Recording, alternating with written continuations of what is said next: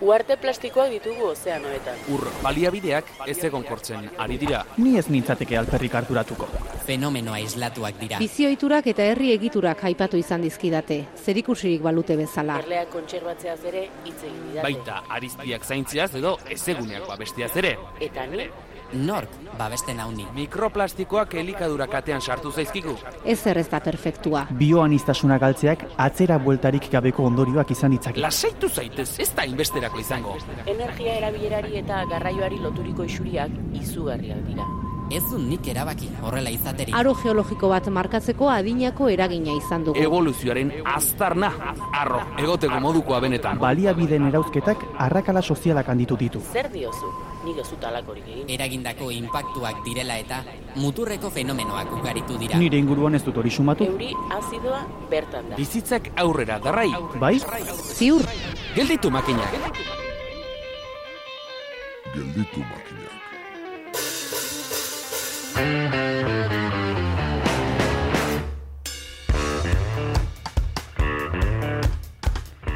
Superheroien pelikuletan entzuna izan dugu botere handiak ardura handia dakarrela. Kristo aurreko lehen mendeko aipu hemen, beraz, pentsatzekoa da Damoklesen ezpata irude betaurrekorik gabe ikusiko zela. Kontua da, inoiz sentitu ote duzun munduarekiko alako ardurarik. E, kontesturik gabeko kinkan diskoa, bai. Baina horixe da, palestinaren alde egiteko eskaini dizkigun, BDZ eta elementuek dakartena alegia boikota, desinbertsioa eta zigorra baliatzeak dakarrena. Ardura, Palestinarekin elkartasuna ekimena zariko gara izketan plataformako kide den lurrekin eta larun bat honetan urtarriaren hogeita zazpian orlizin deitu duten manifestazio nazionalean jarriko dugu begia.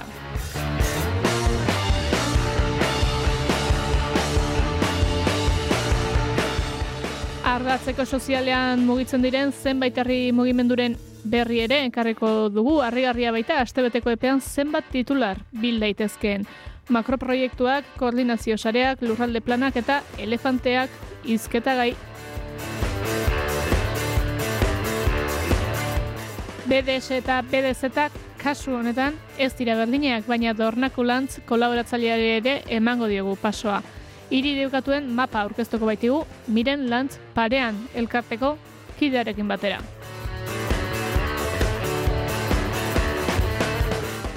Zer botere duen ez, baina zeren ardura hartzen duen, badaki gelditu makinak saioko laugarren denboraldiko amazazpigarren atalak.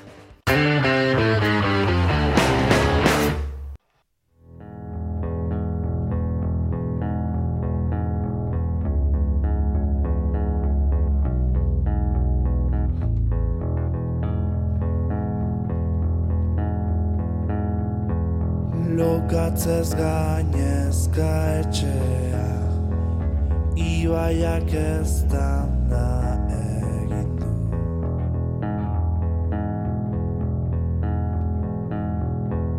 Ta gurea zen ardura. Ibaiak gainezka egin Eta gurean ez dugu osoikoa, baina gaurko saioari ekiteko zenbait berri izango ditugu. Ba, gai ekologiko eta sozialekin lotura estua duten hainbat kontu iritsi zaizkigulako aste honetan. Esan bezala, ez da ohikoa, baina emango diegu errepasotxo bat batzuei, izan ere, pasa berri den larun batean manifestazio antolatu zuen AHT gelditu plataformak iruñean, eskatzeko AHT-era bideratutako dirua herritarretara berbidera dadin. Hau lehenengoa izan ere zaintza kolektiborako eta lurraren zaintzarako eskubideen alde elefante txuririk ez lemapean ibili ziren iruñako kaleetatik. Eta entzundako oioen artean kontuz atxetearekin atxetearekin ez baitago zaintzarik. Eta lehenago heldu nahi duena izorra dadila eta goiz jaiki dadila izan ziren besteak beste.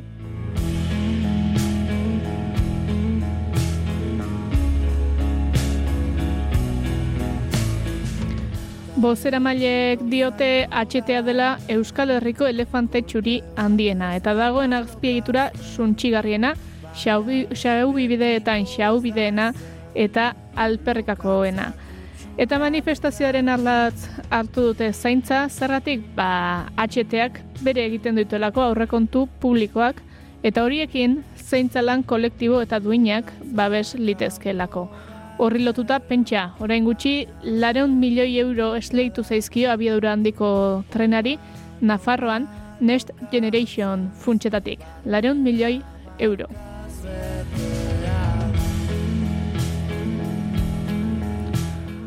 Horrela bada, HTaren behin betiko etetea eta lurraren eta herritarren zaintzaren alde egiteko eskatu dute. Era berean, bozera maileek dei egin zioten langile klaseari kapitalismoaren aurka lurraren alde eta beste gizarte eredu baten alde mobilizatzeko. Borroka honek hogeita marrote bete berri ditu eta oraindik martxan jarri ez izana herri mugimenduaren meritua dela largatu dute. Eraikuntza eta inbertsioak ordea aurrera doaz eta beraz sei beharko da salak eta lanetan.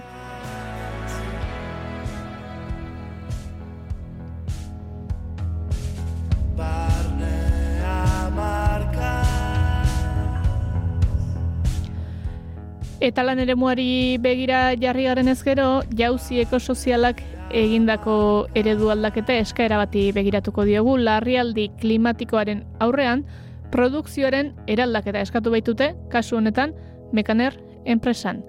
Taldearen arabera larrialdi klimatikoak gero eta nabariago erakusten digu gure ongizatea baldintzatuko duen zibilizazio erronka dela honakoa. Kasu honetan autogintza sektorean sozialki justuagoa eta jasangarriagoa izango den bestelako mugikortasun eredu baterako eraldaketa eman beharko da. Bai produkzioan eta baita erabileran ere.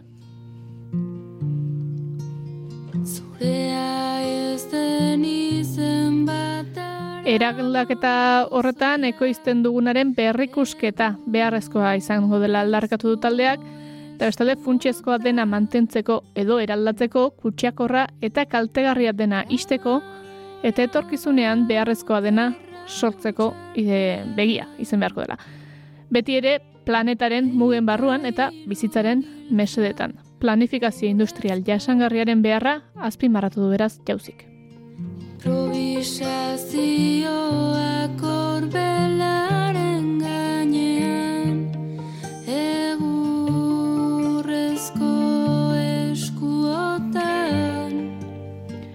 Ereduari begira produkzioaren deslokalizazioaren aurka agertu dira eta eunda berrogei eta lau langile kaleratzaren aurka ekologikoki bideragarriak diren proposamenak babestu behar ditugu, ez kutsagarriak diren enpresa multinazionalak. Helburu nagusiak ezin ditu, ezin du izan, sektorea edo enpresaren biziraupena bermatzea, langileen bizi baldintzak duintasunez bermatzea baizik. Hori dela eta alternatiba ekosoziala aurkezteko hitzaldi antolatu dute urtarrilaren hogeita lauan, asteazkenean, Bilboko ekoetxean, arratsaldeko zazpiretan.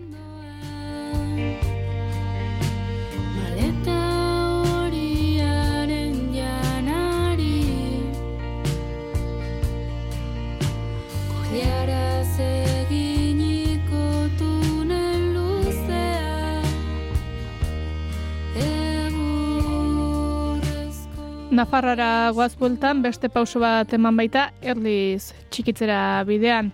Nafarrako gobernuak udalez gaindiko eragina duen plan gisa izendatu du erlizko meategi proiektua.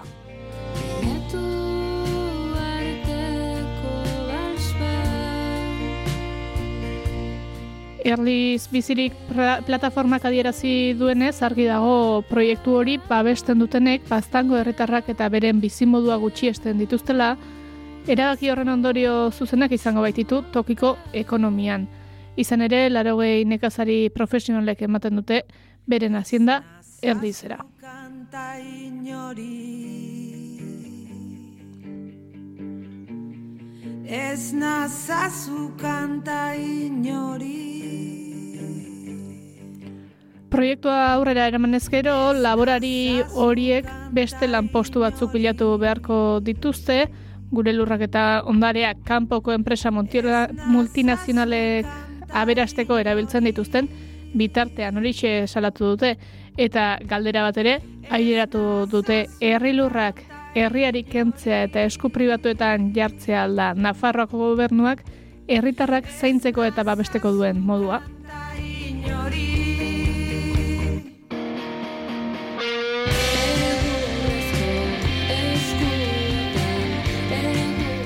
Orain arte bezala, herri mobilizazio bidez defendatu nahi dute eremua eta plataformak iragarri du erabakia Nafarroako aldizkari ofizialean publikatzean, alegazioak aurkeztu halko direnez, alegazio zerrenda bat prestatu dutela herritarrak sinatzeko. Albezain beste pertsonak sinatzea ezinbestekoa da herritarrok proiektua babesten ez dugula erakusteko. Magna enpresak esan du landa eremuko lanpostuak ingurumen ikuspegiko ekonomia garapena eta koesio territoriala mantenduko eta sustatuko dituela herritarrak ordea ez dira fio horretarako proi, horrelako proiektuak eta nekazaritza estentzioa ez baitira bateragarriak eta multinazionalen promesak inoiz gutxi betetzen direla baitiote. Eta makroproiektuak Nafarroan eta makroproiektuak Araban.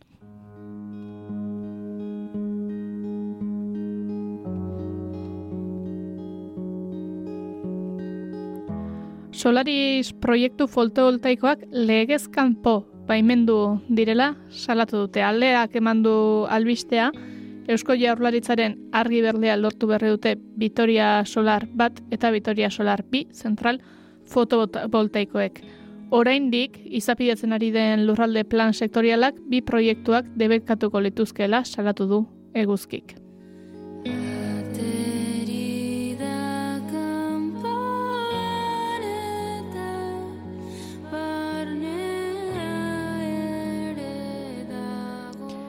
2000 eta hogeita iruko irailean ingurumen baimenak lortu ostean, indarbarri sozietateak, solariak euneko irurogeita mar eta energiaren euskal erakundeak euneko hogeita mar e, portzentaietan osatzen dutenak, araban erekin nahi dituen bi zentral fotovoltaikoentzat, solar bat eta solar bi, aldez aurreko administrazio baimena onartu du Euskal Eusko Jaurlaritzaren industria sailak.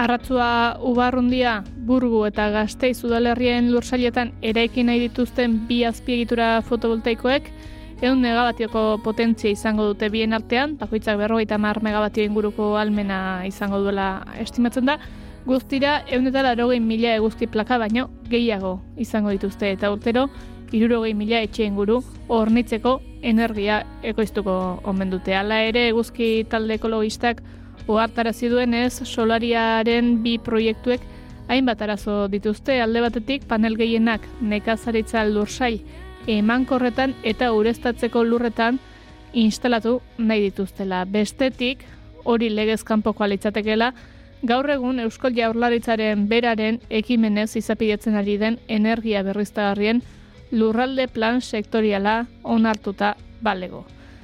Izan ere, indarrean dagoen EAEko nekazaritzako plan sektorialak balio agroekologiko estrategiko handikotzat jotzen ditu Vitoria Solar bat eta Vitoria Solar bi proiektuen eraginpeko lursail gehienak. Hain zuzen ere, izapidetzen ari den lurralde plan sektorialak espresoki debekatzen du parke fotovoltaikoak bertan eraikitzea.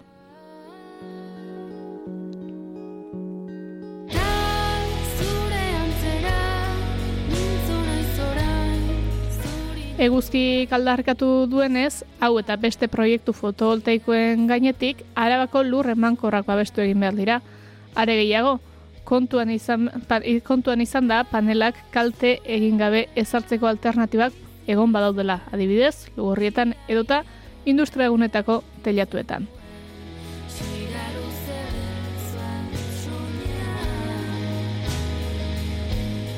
Gehiago ere izango dira, baina gure azkenarekin jarraituko dugu, izan ere maila nazionaleko berri bat ere badugu, aipatzeko dugulako Euskal Herria bizirik sarea sortu dela eta trantsizio berlearen fartxa salatu ostean manifestazio nazionala deitu duela apirilerako. Lehen agerraldian aurkeztuko dutenez, lurraldearen defentsan lanean ari diren Euskal Herriko hainbat herri mugimenduk eta plataformak beren indarrak, ezagutzak eta ekintzak batu dituzte natura eta landa ingurunea suntsitzen dituzten makroproiektu handana baten inposaketari aurre egiteko.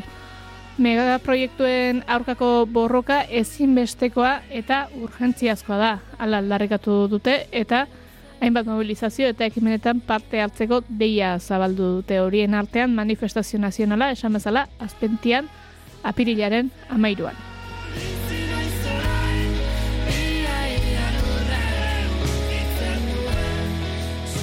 Trantsizio berdearen fartxa salatu du EH Bizirikek Gasteizen egin duen aurkezpenean eta lurraren defentsan batu den sare honek partekatzen duen helburua ere azaldu du. Ingurune naturalaren babesa, trantsizio energetiko deszentralitatu eta kudeak eta komunitarioaren defentsa, landa eremu bizi eta funtzionala bermatzea, naiz planetaren muga biofisikoak gainditu gabe baliabide naturalen aprobetxamenduaren unibertsaltasuna, lankidetza, osasun komunen zaintza eta erabakiguneen deszentralizazioa ezaugarri izango dituen gizarte baten alde aritza, esan bezala, hori guztiak izango ditu helburu. Ondoren, otsailetik maiatzera bitarteko mobilizazioak eta ekimenak iragarri ditu. E, ipatu dugu lan ere nagusiena apirilaren amairuan izango dela azpeitian, manifestazio nazionala egingo delako. Egun berean lurraren defentsan diarduten taldeen eta jendeen artean topaketa egingo dute. Gehiago ere badaude, baina begiratu beharra izango duzue, ez ditugu denak jona ekarreko eta.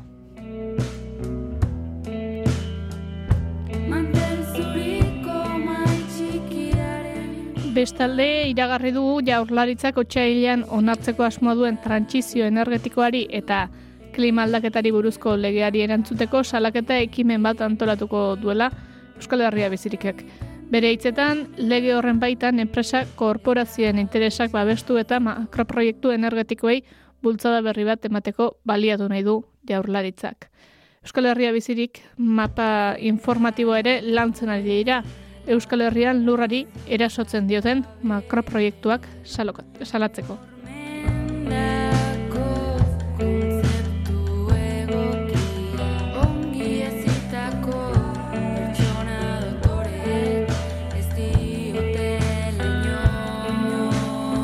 Eta behin, gai ez gain, agenda aipatzen hasita, larun bat honi begiratuko diogu manifestazioa deitu delako palestinarekin elkartasuna plataformak, bai, e, hilaren hogeita zazpirako, urtarrilaren hogeita zazpirako, ordizian, amabietan.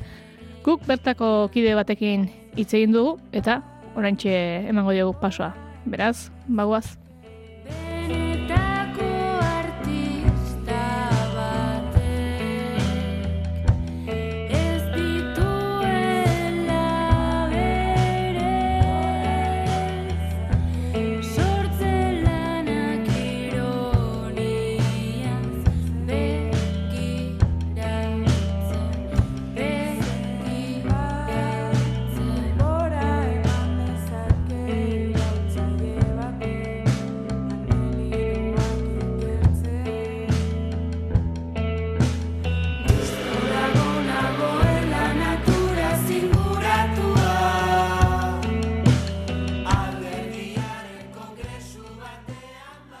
Palestinarekin elkartasuna dinamikak manifestazio nazionala deitu du urtarrilaren hogeita zazpian, Orlizian dinamikako kiden arabera, kafek eta safir eraikuntza presa Israeldarrak Jerusalemgo tren harinaren edapenean parte hartzen dute. Eta erakunde sionistak nazioarteko komunitatea deritzon eta kaf bezalako enpresen konplizitateari esker baino ezin du mantendu Palestinarren aurkako okupazio, kolonizazio eta apartheid erregimena. Kontuak horrela, bertara hurbiltzea erabaki dugu eta horretarako telefonoz bestalde dugu lur palestinarrekin elkartasuna dinamikako kidea. Ongitorri lur. Egon hon bai. Tira, e, palestinarekin elkartasuna ekimena hitz egingo dugu pixka bat eta deitu duzuen manifestazioaz, Israelek irurogeita urte daramatzalako okupazioan, alegia sorratik bertatik zapaldu ditu inguruko herriak, batzuetan bestetan baina presentzia gehiago izan du ordea gurean, eta honekin, ba, azken hilabetetan behintzat lehen lerrora itzuli dela esan dezakegu. Alde horretatik zer nahi du landu palestinarekin elkartasuna ekimenak? Ba, bueno, azken batean, ez, e, Palestinarekin eta bere erresistentziarekin elkartasuna esango nuke, ez, e, azteko, esan duzun bezala, bai, e, egia da gora bera handiak egon direla Palestinarekiko e, elkartasunaren presentzian, eta pixka bat, e, bueno, Palestinarekin elkartasuna sortzen da, e, urriak zazpiko e, resistentziaren ofensibaren ondotik, eta ba, bai hor e, azpimarratu nahian, ba, bueno, ez, entitate sionistaren edo Israelen e, izaera e, genozida bera, eta nolabait, pues, e, gure egin beharra hemendik litzatekela, e, azken finean, palestinaren erresistentzia babestea. E, resistentzia babestea zitza egiten dugunean, e, zuk aipatu bezala, iruditan magost urte guzti hori eta e, ari gera, horrek esan nahi du, ba, palestinarrek e, amaika modutan eta urte luzetan zehar egin dituzten erresistentziak babestea dagokigula. Pixka hori ikusten genuen eta baita ere nolabait e, Euskal Herrian e, ikusten genuen, bueno, e, azuk lehen aipatu bezala ere, konplizitate batzuk e, badaudela e, normalizazio bat e, ematen ari dela, ez? Eta konplizitate fuerte batzuk daudela, eta pixka horri ere aurre egin nahi genion, ez? E, ez dela, pues, ulertzen delako, ulertzen dugulako, elkartasuna dela, pues, mm, dagokion erresistentziari, erresistentzia bestea, eta ezen beste, hemendik e, aukeratzea hau bai, hau ez, edo palestinarrak ezakitzer egin behar duten diktatzea, ez? Guretzat e, garrantzitsua izan da, denbora honetan, hori erresistentziaren aldeko e, autua. E, aipatu duzu e, izan duela bere eragina aurriaren zazpiko ofentsibaren hasiera horrek, eta e, 2008ko ondarrean jarriko da. E, mugimendu asko izan dira, manifestazioak ere bai, ez da ize valorazio egiten duzuen, horretaz, e, hogeita iruko azken hilabete horietaz? Bai, bo, azkenean hori hogeita iruan e, nabarmena da izan da ez, e, hasieran e, bueno, ba, palestinan bizitzen zen, e, zapalkuntza esan dezagun, oikoa, e, batzuetan hemendik normalizatu ere egin duguna konturatu gabe agian e, bueno, ez ba, e, preso politiko kantitate oso fuerte batekin, hildako konstante, ez, e, erailketa konstanteekin, eta azkenean ba, kolonialismoak e, bere duen cosa parjeida eta bestea txikitze e, horrekin Israelen partetik, eta baita ere Israelen e, joera batekin e, ba, imperialismoaren e, azkenean buru bezala ingurune horretan, e, normalizatzera harremanak, ez? E, Abrahamen akordioetatik eta bargatoz, e, Saudi Arabiarekin edo Marokosekin besteak beste e, harremanak normalizatzetik azken ondarro honetan, ordea, ba, bueno, e,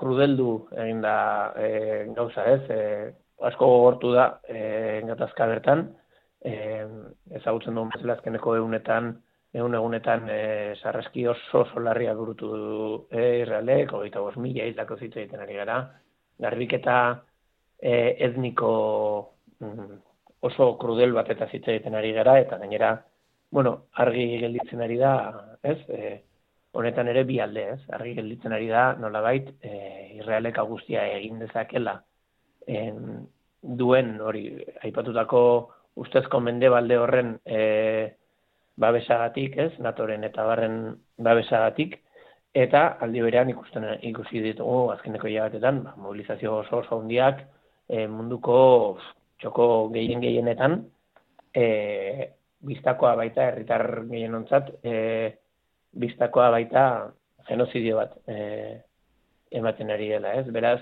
e, nolabait guk bai baloratu genuela e, mobilizazio handi horietatik e, arago, ba, zegokiguna identifikatzea e, den garrantzia, ez? Eta momentu horretan, ba, Euskal Herriko plataforma bezala, ikustea zein konplizitate eta zein e, kolaborazio ematen diren Israelekin eta horiek e, salatzea, ez? Presioa egitea zentzu horretan.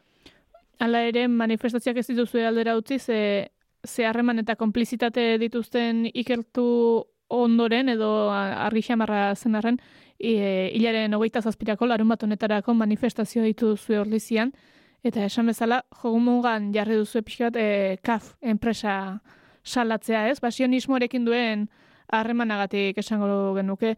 Salaketa zuzen bat egiteak ze, ze rekar dezakela iruditzen zaizue. Bai, pixka bat, e, norabait, Euskal Herrian aterrizatu nahi genuen e, Palestinarekiko e, elkartasun, ez? Ikustea, zein den e, maila ekonomikoan eta politikoan e, Israelgo estatuarekin, ez? Entitate sionistarekin e, dauden harremana eta e, horra jotzea. Horregatik ere e, hobetsi genuen e, ba, larun bat honetako mobilizazioa, ordizitik egingo duguna, e, CAF eh, enpresa seinalatzeko. Izan ere, bueno, CAF enpresa eh, 2000 eta amabostetik eh, seinalatzen gabiltza eh, palestinarekiko elkartasun mugimenduetatik, eh, geldiarazi dezan eh, Jerusalemen eh, duen eh, tranbia proiektua, zein beste inbertsio batzuk eh, Israelen dituenak. Eh, Urrutiago joan gabe proiektu horretan bertan e, Beolia enpresa ari zen lehen eta Beolia enpresak mundu mailako presio kanpaina baten e, ondorioz erabaki zuen e, ez kolaboratzea gehiago, ez? E, azkenan kafek egiten duena e, tranbia horrekin da literalki palestinarren gainetik e, pasatzeko aukera eman e, kolono israeldarri eta ez da bakarrik beraz e, zerbait, e, nola esan, ez da kolaborazio ekonomiko soil bat, baizik eta da, garbikera etnikoa e, bultzatzen duen e, praktika bat, ez? Badaude enpresa gehiago, eta hori ere nabarmendu nahi dugu, guk e, konplizitateak salatu nahi ditugu, orokorrean bai ekonomikoak, bai politikoak, eta bai kulturalak, zein kirolekoak, ez? E, espresio asko ditu e, Israelekiko konplizitateak gurean, armagintza enpresak daude, ez? ITP aereo edo SAPA adibidez, badaude e, garraio eta logistika zerbitzuan, e, metorrez edo irizar enpresa mailan eta gero badaude ba, jaurlaritzak eta beste instituzioen eskuartzeak ere. Kafen kasuan, e, nagarmena da, bere e, akzioen batzarrean, instituzio publikoak ere pisu handia daukatela. Eta, beraz, e, guztia gertatzen ari dela, instituzio publikoaren, publikoen e, babespean zentzu horretan e, enfokatu, enfokatzen dugu e, kazen, e, ba, ez, e, poema zerrakzioen bezala hiltzeko modu asko daudelako, eta kasu horretan e, tranbia hori e, gerra eta genozidiorako arma bat e, delako.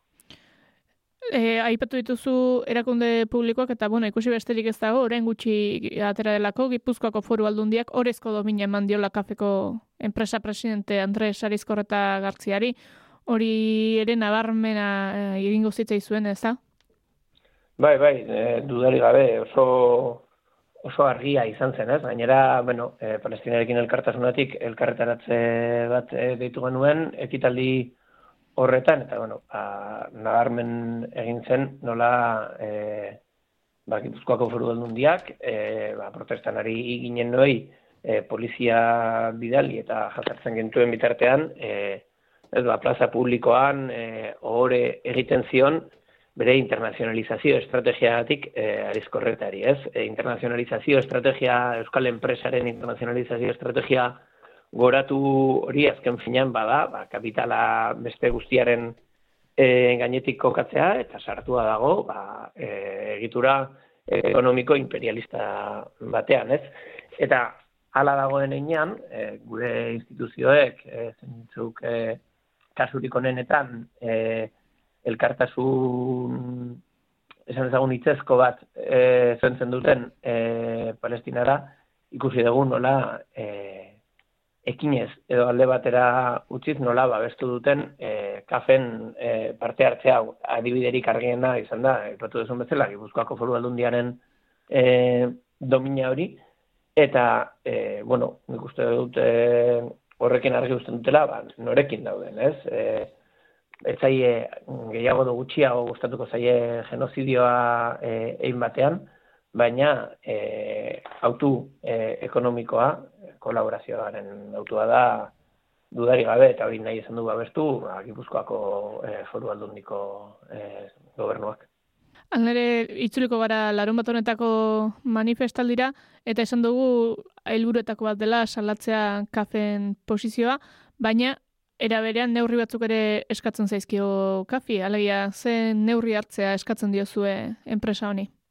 Bai, e, simpleki, ba, e, lehen aipatu bezala, beoliak egin zuena egitea, ez? E, utz dezala, e, proiektu hori, Zafir enpresa israeldarrarekin e, Jerusalemen egiten ari den proiektua, eta ez dezala gehiago kolaboratu e, Israelgo e, estatuarekin, ez? E, azken batean, e, atzera pauso bat e, izango litzake exigitzen duguna, ez gara lehenengoak hori exigitzen, berez eta kanpainak e, urteak beramatza lan hori egiten, e, kafeko langileak berak e, langile batzordeak e, oharrak e, ditu, eta kafeko langileek behin eta behin baino gehiagotan adirazi dute proiektu horrekiko e, kontrakotasuna. Ez? Orduan, bueno, simplea da, alde batetik da, alde alde egin dezatela eta atera ditzatela beraien e, eskuak eta beraien interes ekonomikoak palestinar e, lurraldetik. Izan ere ezin dago aztu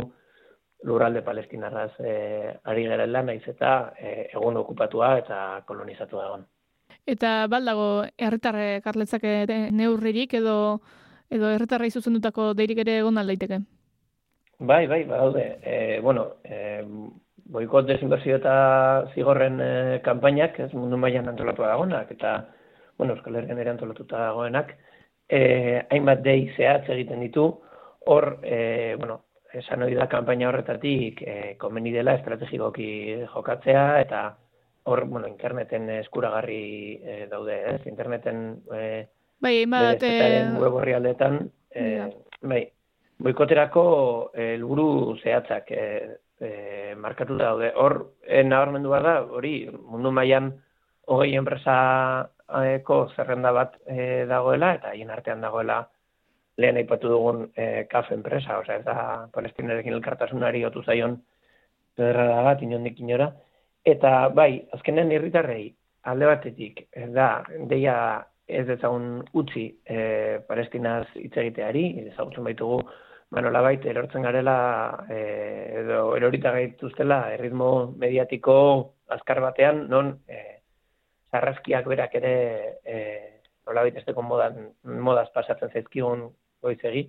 Orduan lehenengo hortaz arduratzen e, jarraitzeko deia, e, horren inguruan antolatzen jarraitzeko deia, eta gero baita ere, ba, bai e, presioaren bidez eta bai konsumoaren bidez, e, bat produktu e, markatzen jarraitzea, ez? Bebez eta taldeetatik, Carrefour e, supermerkatuen inguruko kanpaina bat, egon da, azkeneko iabeteetan, garrantzitsua dena, eta, bueno, gero, ba, badaude, ez, e, produktu gehiago, zentzu horretan ere, e, dena ez delako produktu otxaiaren bian, uste dut, e, bai, otxaiaren bian, gazteizera dator, e, Makabi Tel Aviv, e, saskibaloi taldea, ez? Europar e, txapelketetan zerk egiten du Israeldar talde bat Europar txapelketetan egoteak, ba, estrategia politiko eta militar batek, ez? Osa, genozidiorako tresna batek eta beraz, e, deialdia da nolrabait e, Israeldar e, espresio guztiak desnormalizatzea, ez?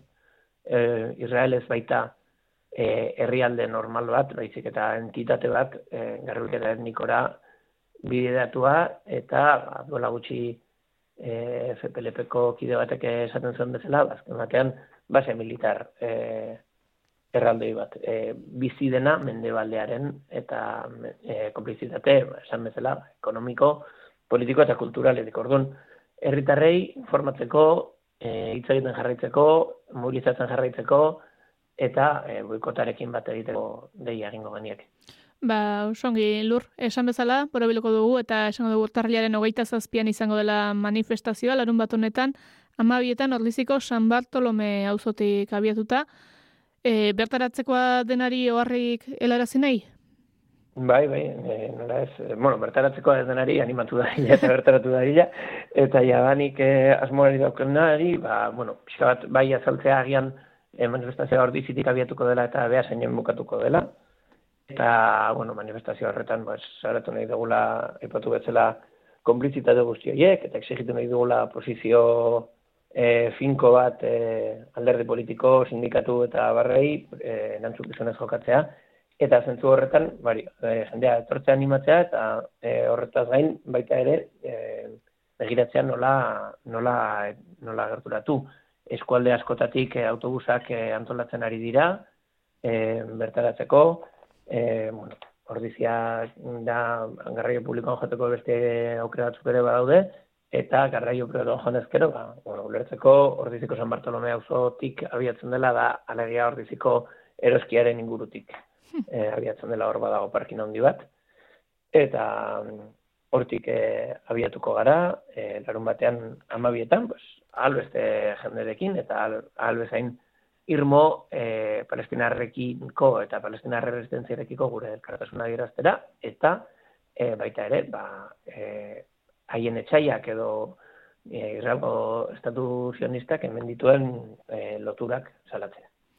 Ba, ba mila esker gurean izateagatik lur eta zuen e, manifestazioaren berri emateagatik espero ezagun jendetsua izatea eta aurrera begira ere ba, mobilizazioak eta gertutik jarretuko ditugu.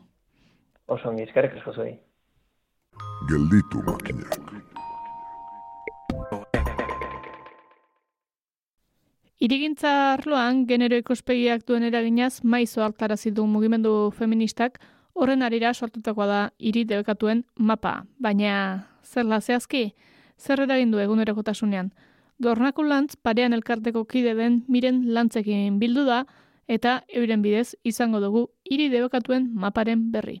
Kaixo ongitorriak berriro ere, gaurkoan e, beti bezala laiare aldizkariaren arira, e, bedeseko pelkartetik, hemen aukazue, dornakulantz, e, ba, kolaborazioan, eta e, gaurkoan e, iridi bekatuen mapaz arituko gara, eta hortarako miren lantztugu, paren elkarteko kidea, kaixo miren? Kaixo. Kaixo, ba, bueno, beti bezala, denbora gutxi dugu, beraz, e, muinera joko dugu, zuzen zuzenean, eta lehenengo galdera da, zer da iride bekatuen mapa? Bueno, iride bekatuen mapa, esan nuke, ba, horren dela hogei bat urte ez, bereziki erabiltzen hasi zen termino bat izan zela, eta, bueno, guk gure kasuan, ba, militantzia feministan hasi ginenean, ba, mar, bat urte pixka bat ezagutzen hasi ginen termino bat, e, pixka bat, mai gaineratu nahi izan zuena ez, genero ikuspegia irigintza arloan. E, eta, posonela bizi ditugun gure kalea, gure espazio publikoa, gure herriak, auzoak, hiriak. Baina gira da hortan ere, bueno, evoluzionatzen joan garela, eta azkeneko urteetan, bueno, guk behintzat ez, iridi bekatuen mapa termino baino, agian e, mapa morea, edo gure herri hirien mapa morea zitze egiten dugula gehiago, zegia da, astapen hartan oso modu, bueno, e, indarkeriaren bizipenetik edo, pues, e, edo beldurraren bizipen subjetibotik aztertu nahi izan zela hori, ez? Eta gehiago zen, ba, identifikatzea puntu beltz horiek, ez? Ba, ba, beldurra ematen zigutenak, edo emakumeak bereziki, ba, saiesten genitun espazio, kale horiek identifikatzeko erabili zirela, eta bazun bere zentzua bere momentu hartan, baina gila da, azken urteetan pixkat hori modu integralago batean landu nahian edo, ba, eman beste vuelta bat, eta horregatik mapa morea edo, mapa morea zitza egiten dugu gehiago, ba, segurtasun ezaren pertsepziotik aratago, ba, genero ikuspegia modu zabalago batean aztertzeko irigintza, irigintza arloan edo. E, Eta horregatik gaur egun pixkat azterketa edo irigintzaren genero ikuspegiaren azterketako irizpideak ba, ba zabalagoak liratezke ez, eta ba, autonomia eta segurtasuna bada irizpide horietako bat, esan duen bezala, pixkat, ba, esaten duen beldurraren pertsepzio identifikatzea, baina e, izango zen bat gehiago, ez? Aztertzen da ere hurbiltasunaren irizpidea, edo taniztasunarena, e, bestela bizitasuna, bizi zepuntaino diren bizigarriak, bueno, ez bizigarriak, baizik eta bizitza duten, eta e, baita mugikortasun eta garraio publikoa, edo eta ordezkagarritasuna eta, eta zehazki seinaleztapen e, gaiak edo. Irizpide hoien baitan edo hoien bueltan egiten dira azterketa hauek. Eta ere iridibekatuarenak bazolako konotazio bat, ez? Azkenan guk ere autokritika hori egin genion, neztaku horrela ginen, termino horrekin, e, lantzen gai hau, Ze, ematen zuen berriro ere, ez, emakumei egiten digula debekatu, ez? Eta, eta espazio batzutatik, osea, eta da justo kontrakoa mezua, ez? Osea, gauza ez da emakumeok iria modu baldintzatu batean erabiltzarena, baizik eta kontrakoa, ez? Mezu izan bar denontzako izan bar da segura, denontzako izan bar da erabilgarria iria eta espazio publikoa. Eta, eta azkenean puntu beltzu bat identifikatzea ikusten genuen hori gainditzari begira baino lortzen eginen zela hoiek ekiditea. Eta hori ez da bat ere helburua. Hmm. Estigma bezala, ez? Bai, hori da. Eta hori gainditzea litzateke, ez, asmoa. Bai, e, horre adibide praktikoa demagun, oza, zuen kasuan e, irunekin egin duzue pentsatzen dut azterketa gehiago, eta bueno, galdera orokorra izaten albada ere, pixkat, e, nolako hiriak bizi ditugun, e, ulertzen dut abiatzen garela, osea, galdera hori da, baina ulertzen dut irundikan hasita edo irune, irunen inguruan hitz eginda edo ze zein nolako hiriak ditugu edo nolako hiria da irun adibidez. Bai, hori da, gero, nik uste dut hor, zuk esaten zuen bezala, genero ikuspegia hitz egiten duenan, ulertu behar dela, genero ikuspegia izango zela ikuspegi inklusibo bat, eta hitz egiten ari garela, ez garik, so- eh, agian ez garela genero roletaz soilik hitz egiten ari, baizik eta pertsona guztientzako onuragarria edo bizigarria izango litzateke niri bat eta hitz egiten ari garela, ez? Eta hor, eh, bueno, pues berriro ere, patriarkatuaren ondorioz, ba, guk bizi ditugun hirien hiri ereduak, eta kasu honetan zehazki, ba, guk, esan duzun bezala, irun bereziki aztertu genula bere garaian, e, ba, dira hiri batzuk sortu direla, ba, e, e, hiritar eredu baten baitan, askotan hitz egin ez? E- Eta eredu e, normatibori izan da, ba, gizonezkoa, lan produktiboan dabiena jornada osoan, e, mugikortasun, ba, ibilgailu motorizatu bidezko mugikortasun nabarmen badaukana, ba, lan produktibori aurrera emateko, eta azkenean horren baitan, e, hori ma- maila sozioekonomiko er, ertain altu bateko, eta barrez, eta orduan, hiriak ere, ba, kontzientizan behar gara, eredu horren baitan eraiki direla, ez? Eta horreri mm, soluzio emateko, baina gainontzeko bizipenei edo bestelako hiritargo anitz horreri ez diote balio. Kasu askotan, ez? Eta horregatik esaten da, ba, osea, gauza oso oinarrizkoa, baina zuk ast, e, astemazara fijatzen zure kale, ondoko kaleren batean, ez? Eta hartzen baduzu sekzioa, hau da, zabaleran, zenbat proportzioan, zenbat dagoen destinatua, oinezko, bi, ez? E, mugikortasuna erabiltzen duten, egunerokoan erabiltzen duten pertsonei, edo zenbat kotxeari, Ostra, konturatzen zara, ez, desproportzio hortaz. Eske, igual kalean eguneko laro gehia dago destinatua ibilgailu motorizatura, eta eguneko gehi bat, edo gutxiago, kaso askotan, oinezkoen esten. Eta gero, hasten gara aztertzen, ze, nola mugitzen garen pertsonak oroar, ez, iritargoan hitz hori, dituna bizipen komplexuak, ba, agian ez da proportzio hori bera, ez? Eta ari gara mugatzen, mm, iritargo oso konkretu bati, agian dela eguneko hamar bat, hogei bat, erabiltzen duena kotxe egunerokoan ez da, eta gero daukate lentasun oso desproportzionatu bat, ez? Eta azkenen, ba, horrelako gauzaietan fokoa jartzea eta gauzaiek aztertzea izango zen, ba, pixka bat, eh, mapa hauen helburua edo, Eta horien ondorioz, gero, pues, modu ekitzaile batean, ba, saiatzen da, etorkizuneko mm, irigintza hori, pues, ja beste ikuspegi batetik egitea, eta benetan, ba, iritargo anitz hori oinarri hartuta eraikitzea edo diseinatzea, eta ez beti egin den bezala orain arte, ez? Bai, horre ere bere eh, momentuan ingen ditun foro batzuetan komentatzen zen e, lantetxako auzo elkartean zortzira gehi ikuspegia txertatzen zutela, zela zortzi urtetik beragokoentzako eta larogei urtetik goragokoentzako balio badezake, balio dezake mundu guztiarentzako ez. Eta gira da ni ere orain dela gutxi arte ezain kontziente izan, e, benetan ume txikiekin eta helduenekin, eske errepidea da txiketan jolasten zinenen bezala e, lurra laba da eta egin baduzu salto zile batetik bestera. Olako sentsazioa errepidea da laba. Osea, umeak ez dituzu ez da hurbildu, za askida kotxe bat hurbiltza eta beraiek daukaten kontzientziarekin, osea, benetan dela da, da tensio bat konstantea. Ume txikiekin iritik joate askotan e, edo txakurrekin, ez? Edo e, eta hori, eta jende helduakin lengoan anbonakin ere ba zijoan e, makuiokin oinez eta zen. Azentzun hori e, hori obstakuluzko e, karrera bat, ez? Ze benetan autos de choque. E, eta bai, osea, Bai. kostatzen dula, kostatu zai konturatzea neri egia esan, baina eske behin hasten zarela ja ez duzu besterik ikusten. Bai, hori da, nik uste dut oso bizipenetik bizi den zerbait da, eta horregatik guk ere olako tailerretan edo oso interesgarria dela, e, tailerra hauetan ere rol joko, joku modukoak planteatzea, ez? Eta saiatzea empatizatzen, ba, bestelako bizipen horiekin, nahiz eta zureak ez izan, mm, igual gaur egun, osea, zure bizipenagatik egun hortaraino, zuk esan duzun bezala, ez? Ba, adineko baten roletik bizitza, edo esaten duguna, ba, mugikortasun baldintzatua duen pertsona batena, edo mm, bari aur baten ikuspegira bueltatzea, ez? Naiz izan garen denok aurrak, baina badirudi azten dugula. Eta hortik bizitzea, ez, kaleare bai, eta ikustea benetan hori zuk esatu duzuna, ez, emateko oztopo ditugun. Egia da hortan, e, azkeneko urteetan, e, irisgarritasun lege, em, bueno, zabalen izenean, ba, partxeo lan asko egin direla, eta zentzu horretan, ez, ba, nik uste dut denak kostien garela, ba, e, espaloien rebajeak eta guzti hori, ba, bueno, ohitzen hasi garela, ez, pixka bat ikustera hirietan, eta, bueno, zentzu horretan irisgarritasunen izenan gauza batzuk pixka moldatzen direla. Eta gero esango nuke, baina ez hain beste genero ikuspegi edo inklusio arrazoiengatik, baina bai ekologiaren izenan eta kolapsoak ekidita aldera, hiri handi hauetan e, erdiguneak ere e, peatonalizatzeko joera bat ere ikusten nahi dela.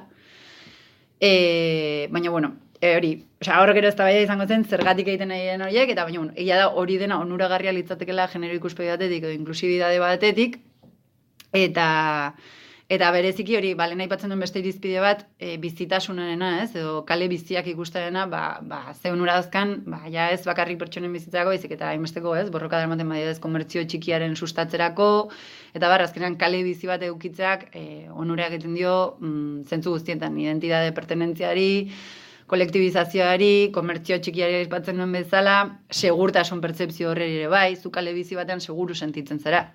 Kale komertziorik ez daukan edo tabernarik ez daukan kale batean bakarrik pasatzen bazera, bazkenan horrek nahi edo ez, badu, ez, konnotazio batzuk sortarazten dizkigu eta bueno, gauza guztien klabe, ez? Eta horra diez, hitz egiten da ere edo aipatzekoa da, e, hiri eredu ja pixkan makroagoan ikusita, ez? Ari garela sortzen oso hiri departamentatuak, zeinetan dagoen, ez? E, zentro bat, bale, ba, aldizar bat, bali modu historikoa da bar, bueno, hori mantentzen da, baina ja, e, joera edo kutsu turistiko batetik e, bueno, esplotatu nahi izaten dena. Eta gero egiten dugu ez, como e, industriaren gunea, ba, hori ez, e, zona industrializatua. E, zona residenzialak, soiek etxe bizitzak egongo direnak, beraien txaletakin, albada terreno pusketa batekin.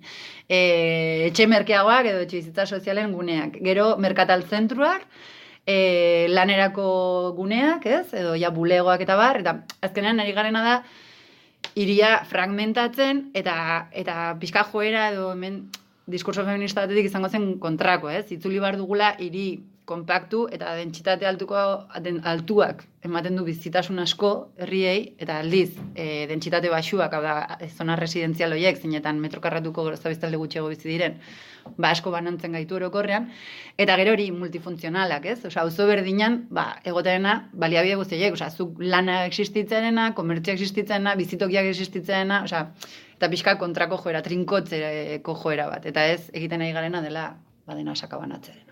Hmm, bai, e, or, urrengo galdera izango zen, e, esaten ari zaren guzti horren baitan, eta supongo dela galdera erresa, bino zein esango zenuke dela hiri edo gune edo auzo eredugarri bat. Osea, ze, zein da gure idilioa e, ikuspegi feminista batetik irigintzan? Bueno, ba, hor nik uste dut, lehenik eta bain ere, eskala kontuta zitei dugula, eta hor, e, iriak aztertu bain, osea, herrietan agian bai darrexago, tamainagatik eskala batik, baina iriak e, analisi unitate bezala auzoak hartu beharko liratezkela, zen dut hor direla, benetan ematen dienak sinergia eta harreman erlazio, ez, nik uste unitate egokia auzo bat izango litzatekela aztertzeko. Eta zein den, pf, adibide konkretu bat, nik uste adibidez zehatz bat esatera igual ez nahi zausartzen como ideala bezala, baina ba esaten nuena, ez? Akaso erdiguneak edo erdigune historikoak mantendu dituzten horiek, benetan gentrifikatu ez baldin badira eta ez badira guztiz saldu turismoari, ba izango liratezkela nik uste dut, ba oraindik ere gelditzen zaizkigun reskizio horiek, ez? Eredu on batena, zeinetan ikustu duzun, bueno, bazonalde oso ba joera izan delako turismoaren izenen, baina eh, peatonalizatzera asko, ba, segurtasun alde horretatik, badutuztenak komertzio, badutuztenak tabernak, emate dizu bizitza sentsazio bat, baina aldi berean, ez bada gentrifikatu esan bezala, bueno, ba, oraindik jendeak komertzio txikiak edo lanerako espazioak ere badaudenak, zure bizilagunak oraindik ezagutzen dituzunak, eta, bueno, ba, e, azkenean ere identidade bat baduena eta eta bertan bizi edo lan egiten duenak sentitzen duena, ez? Pertenentzia bat espazio publiko edo edo espazio horrekiko, ez? Eta azkenean pertenentzia horrek ere ekartzen zaitu espazio hori bera espazio publikoa izan da ere zaintzera, ez? Kolektiboki. Mm. Bai, adibidez zehatzu eten ez ausartuko esatera. Horrek eh, ere badu esan gura historikoa, ez? Alde zarrak erekitzen ziren garaien irigintza herriak herritarrek egiten zuten, eta ja gero industrializazioarekin eta boom demografikoarekin hogei garren mendean irigintza mekanizatzen da, industrializatzen da, automatizatzen da, eta pason zen ereduaren baitan, hori esaten dut ja soziologo moduan, e, dato kurioso del dia, e, e, egiten da, e, azten da horre etxe bizitza fabrika bezala, ez, mekanizatzen da, eta eta gauz askorekin bezala, ba, pos hori McDonaldizatzen da, ez. Eta, bai. Eta horrek pixkat eramaten gaitu hausnartzera, ja, hori mende guztiak ze plantatu digun, ez? Eta ze irten bide, alde batetik beharrezkoa zen, ze etxea jende asko zegoen etxe bizitzarik gabe, eta momentu batean behar zen etxea e, azkar eta merkera iki. Baina, gero ere badira txantrea bezalako auzoak non herritarrek beraiek asotu zuten haien beharra etxe bizitza kooperatiben bidez, ez? e, eta auzolanean ere ikizutuzten haien beharrak asetzeko azpigiturak. Ba bai ez, osea, gaia hemen beti gertatzen ari zaigu denbora guztian gai konpexuak eta zabalak lantzen ari garela, eta e, magos minututan ez du askorako ematen. Baina beti da sarreratxo bat eh, ematen saiatzea. Bai, eta nik agian zailago gintzait erantzutea zein da eredu ideal bat edo egoki bat, baina ez egokiak agian gehiago okurritzen zaizkit, ez? Eta bueno, denak uste ditugula burutan. Da igual, ez dakit zehazki, baina, jo, ba, anekdota ez, horitzen ez hemen irigintzako arduradunak hitz egiten genuen, eta oso berri bat eraiki zuten irunen, e, ba, jende gazteari bideratua, etxe bizitzekin eta bar, eta, klaro, lehen estu zen, ba, jendeak ala eskatzen omen duelako, aldela, ba, terreno pusketa bat eukitzea, eta orduan, erabakia izan behar zuen, etxe bizitza eraikiko zin eraikin hoien bajoetan, etxe bizitzak egin terreno eukitzeko aukerarekin, edo destinatu lokal komertzialetara eta bar. Claro, eta ikuspegi kontsumista individualista batetik, ez ba, jendeak nahi omen du bere jardintxo auki. Claro, zer gertatu da, orain bertara bizitza joan diren bizilagun horiek, pasatu dutela auzoak ez dauka bizitzarik, ez da sortzen sinergiarik, ez dagolako taberna bat, ez dagolako komertzio bat, eta orain beraien keixa da ez dagola hori, ez? Orduan, Ostra, guazen aztert, hori, pues, igual imar duguna da, perspektiba zabalago batetik aztertu, eta zurea ni, niaren desirak behiratu baino, ez? Behar kolektibo horiek aztertu, eta agian, pues hori, bajo horiek destinatu izan balira, ba, ba bizitza emango zuten bestelako funtzio batzutara, ba segurazki azuzto horrek izango zuen bizitza bestelako izango zen. Eta orain hori esaten, etortzen nahi zitzean burura adibidez, iruña edo, ez, gure hiriburuetan eraikitzen nahi auzo berri horiek, ba, hor, zentzu hortatik doaztela asko, ez? Ni pixkat azken aldian horitzen ez iruñan sortu dituzten auzo berri horiek, blokea hundi horiek, eta bai, espazio publiko zabalak, baina zentzu askori gabe, ez? Bai. Parke bat jartzeko, aurra ikustuzu jendea txakurra pasiatzen, baina gero ez dago taberna bat, ez dago denda bat. Ezin dagoen, ni patragas. Ostien berua. Hori da, ez? Eta esatuzu, zei gara sortzen, ez? Eta... Bai, eta gainera, osatzen nahi naizela, ni zergatik naizen konturatu orain arte iriaren oztopo ez esaten dut, aber, ni ume izan naiz, dena jumeak izan gara. Eta igual ez da naizela konturatu, igual da, asumitu nola txikitatik horrela izan behar zuela, baina eske kume bat usten baduzu aske kar- karrikan edo txakur bat, e, e- ez ditu bere izten gune horiek, osea, beretzako erabikit, erabiltzen du espazio guztia. Osea, ez dago bere burua mugatzen. Eta gu ordea, ja, asumitu dugu, peatona, peatoien bideak girela hauek, eta ez dagoela besterik, ez? Eta igual ere ja reakzioa sortzen da, e, erantzulea zarenan zu, eta jari zarenan beldurrez bestearen bizitza, ari delako arriskuan dagona. Hori da. Mi eskari garetz egiten hortaz, osea, nino agobiatuaz, eta ez da e, ongi pasatzen dute, ez, ninago pentsatzen, eske hilko zait, ez, Mhm. edo amon eroriko da. Bai. Eta hortik, ja, beldurretik hasten ez reakzionatzen, baina eske plazerretik pentsatzen, seguro denek egin dugula, osea, denak joan gara umeak izan da karrikatik dena hartzen. Da. Orduan, e, umekin zula oztoko bagenu, seguraski erango esango liguketena da, ba, bueno, esan duzuna ez, ene du balde zarra bat, eta jazta ez. Edo herri txikitan egiten zen, edo egiten den bezala. Aske ibiltzen aldire orain dikan leku batzutan. Ba, eta nik kuriosia bezala nire anekdota pertsolenean nire ez, hainbeste hitz egiten dela ez, feminismoan gaur egun ez, gorpuztarena eta horren daukan garrantziaz, eta jo, nik hori zuzenean bizitu nuen, e, ba, ez, ama izan nintzenean ez, erditu ostean, aur txiki txiki jaio berri batekin, uda bete betean, egun batean izugarrizko beroari zuen, eta erabaki nuen ibiltzen joatea e, osasun etxera. Ba, dakit, e, revisio bat, neukalako aurrarekin, Ostras, eta lehenengo aldiz, ez? Biz, nire gorputzan bairatu nuen, e, momentu batean, e, aurrak gozea zuen, beroa egiten zuen, gainera, ez? Garran, esaten, pues, likidoa, osea, edatea garrantzitsua da, titia emango diot. Izugarrizko beroari zuen, eguerdi bete-betean, eta esan, bueno, behar dut, bi, bi baldintza behar nituen, esertzeko leku bat, eta itzala egotenena, ze bestela, osea, ito bar ginen, edo, zakit, e, olako insolazio bat hartu genuen. Ostra, bat, batean, e, kilometro terdin, aurkitu leku bakar bat, bi jo betetze zituena. Eta zegoen pertso, adineko pertsona bat bertan eserita, normal, kristomero bari zuelako.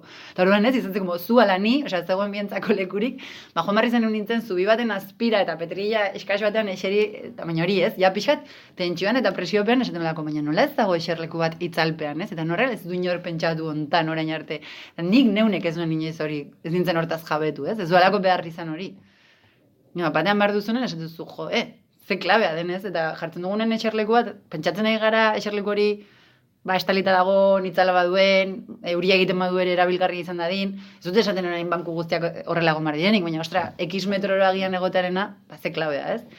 Baina hori ez, pairatzen edo gorpuzten ez duzun arte, ba, ez duzu ikusten. Ba, bai.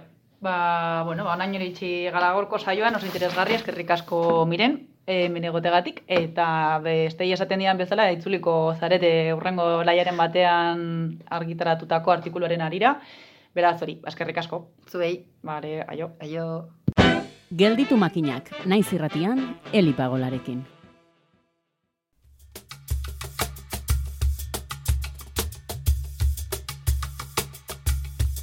Eskerrik asko dornaku eta miren, lai aldizkaria oinarri izanik, eduki ederra ekarri diguzuena.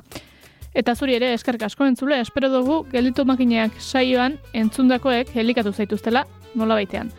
Horrela bada, datorren arte, ondo izan!